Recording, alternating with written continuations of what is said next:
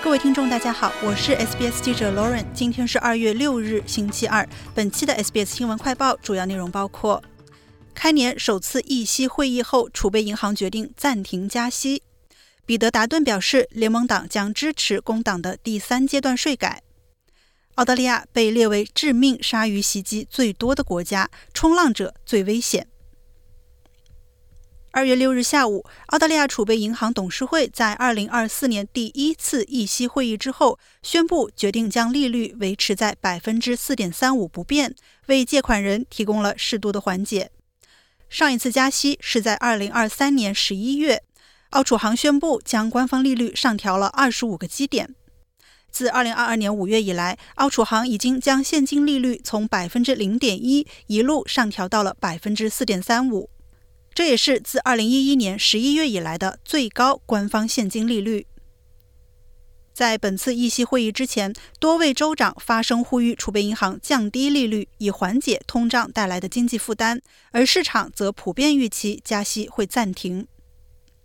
上个月底，澳大利亚统计局公布的最新消费者物价指数显示，澳大利亚的年度通胀率已经从2022年12月的峰值7.8%降低到了2023年12月的4.1%，这也为储备银行暂停加息奠定了基础。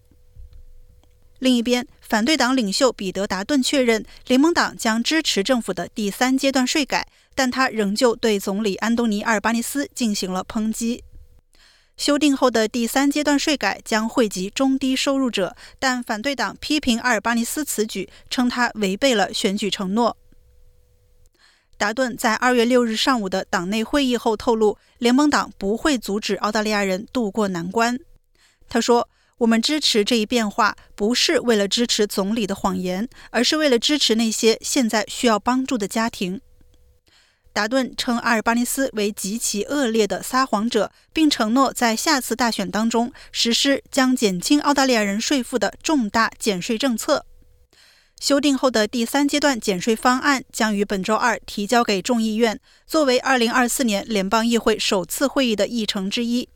反对党的支持意味着工党政府无需与绿党或中立议员进行协商，即可通过税改方案。另一方面，根据最新的国际研究，澳大利亚一个州的海域成为了全球致命鲨鱼袭击的热点地区。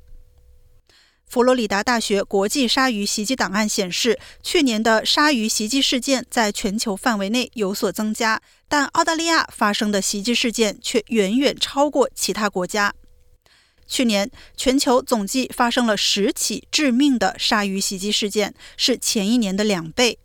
澳大利亚发生的四起致命鲨鱼袭击当中，有三起发生在南澳大利亚州的埃尔半岛附近海域，这个地区被广泛认为是大白鲨的栖息地。而第四起致命鲨鱼袭击事件，是一名16岁少女在西澳大利亚珀斯河中被一条公牛鲨袭击身亡。据悉，这项研究是世界上唯一对已知鲨鱼袭击事件进行科学记录的综合数据库。他发现，全球百分之四十二的鲨鱼袭击事件发生在冲浪者身上，超过了占百分之三十九的游泳者和涉水者。上个星期，悉尼女子劳伦·奥尼尔傍晚在悉尼海港游泳时遭到鲨鱼袭击，伤势严重，成为澳大利亚内陆和海港水域鲨鱼袭击危险的头条新闻。他在一份声明当中表示，由于急救人员、目击者和医院工作人员的迅速响应，他有望完全康复。感谢收听本期的 SBS 新闻快报，在任何的播客平台订阅 SBS 新闻快报，开启消息提醒，即可随时了解澳洲国内外新闻及社区资讯。